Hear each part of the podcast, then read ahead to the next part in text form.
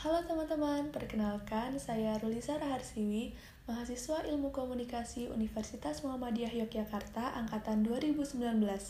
Kita berjumpa lagi di podcast saya, Podka, podcast kata aku. Di sini saya akan menyampaikan pemahaman saya mengenai materi teknologi penyiaran. Pembahasan mengenai dunia penyiaran memang sangatlah menarik ya teman-teman, karena aktivitas manusia setiap hari tidak terlepas dari dunia penyiaran Kemajuan teknologi komunikasi termasuk teknologi penyiaran dari era analog ke era digital semakin memanjakan manusia dalam memenuhi kebutuhan akan informasi. Nah, sebelum ke pembahasan lebih lanjut, perlu kita ketahui nih teman-teman, apa itu penyiaran?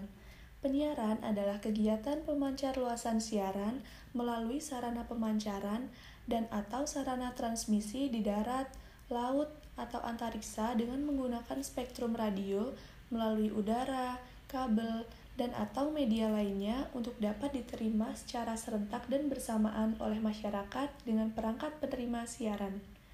Siaran sama artinya dengan broadcast, yang dalam Undang-Undang Nomor 32 Tahun 2002 tentang penyiaran adalah pesan atau rangkaian pesan dalam bentuk suara, gambar, atau suara dan gambar, atau yang berbentuk grafis, karakter, baik yang bersifat interaktif maupun tidak, yang dapat diterima melalui perangkat penerima siaran. Nah, ada beberapa syarat penyiaran nih teman-teman. Yang pertama yaitu tersedia spektrum radio. Apa sih spektrum radio itu? Spektrum radio adalah kumpulan pita frekuensi radio yang berbentuk gelombang elektromagnetik serta lebar tertentu.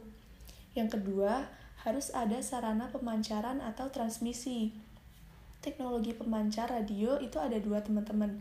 Yang pertama itu ada amplitudo modulasi atau kita sering sebut dengan AM dan yang kedua itu ada frekuensi modulasi atau kita sering sebut FM. Nah, teknologi pemancar TV juga ada dua nih teman-teman. Ada pemancar suara dan gambar. Yang ketiga, harus adanya siaran atau kita sering sebut dengan program acara atau konten. Nah, yang keempat ada harus ada perangkat penerima siaran. Yang kelima, harus dapat diterima secara serentak atau bersamaan. Nah, jenis lembaga penyiaran ini ada tiga teman-teman. Yang pertama yaitu lembaga penyiaran publik. Apa sih lembaga penyiaran publik?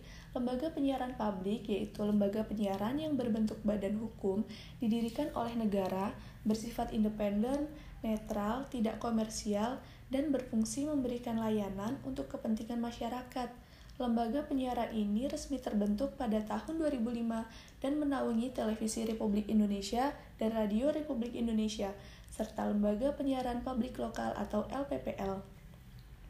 Yang kedua yaitu Lembaga Penyiaran Komunitas, yaitu lembaga penyiaran yang menyelenggarakan penyiaran radio atau televisi yang memberikan pengakuan serta signifikan terhadap peran supervisi dan evaluasi oleh anggota komunitasnya melalui sebuah lembaga supervisi yang khusus didirikan untuk tujuan tersebut. Menurut Undang-Undang Nomor 32 Tahun 2002 tentang penyiaran, lembaga penyiaran komunitas merupakan lembaga yang bergerak di bidang pelayanan siaran yang berbentuk badan hukum Indonesia, didirikan oleh komunitas tertentu, bersifat independen, tidak komersial, dengan daya pancar rendah, luas, jangkauan wilayah terbatas, serta untuk melayani kepentingan komunitasnya. Kemudian, yang ketiga yaitu lembaga penyiaran swasta. Lembaga penyiaran yang berbentuk Badan Hukum Indonesia yang bidang usahanya khusus menyelenggarakan siaran radio atau siaran televisi.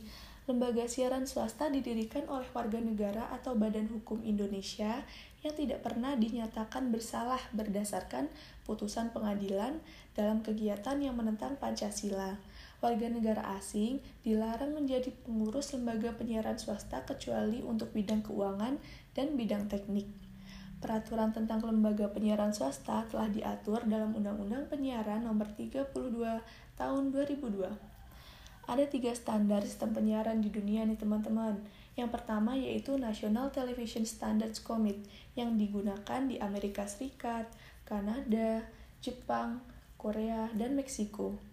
Yang kedua yaitu ada Pass Alternating Byline yang digunakan di sebagian Asia termasuk Indonesia, Australia, China, Amerika Serikat, dan sebagian Eropa. Yang ketiga, ada sequential color effect memory yang digunakan di Prancis, Asia Tengah, dan beberapa negara di Afrika. Nah, siaran baik radio maupun televisi berkembang menjadi community dengan sarana halayak sebagai konsumennya. Siaran dapat dijual bahkan digunakan sebagai sarana menjual produk dan jasa di teman-teman.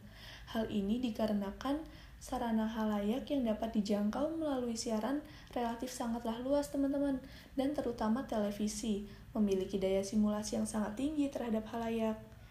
Mungkin Sampai sini dulu ya pembahasan mengenai penyiaran. Semoga apa yang saya sampaikan ini bermanfaat. Next, kita akan lanjut ke pembahasan mengenai karakter radio dan televisi. Bye bye.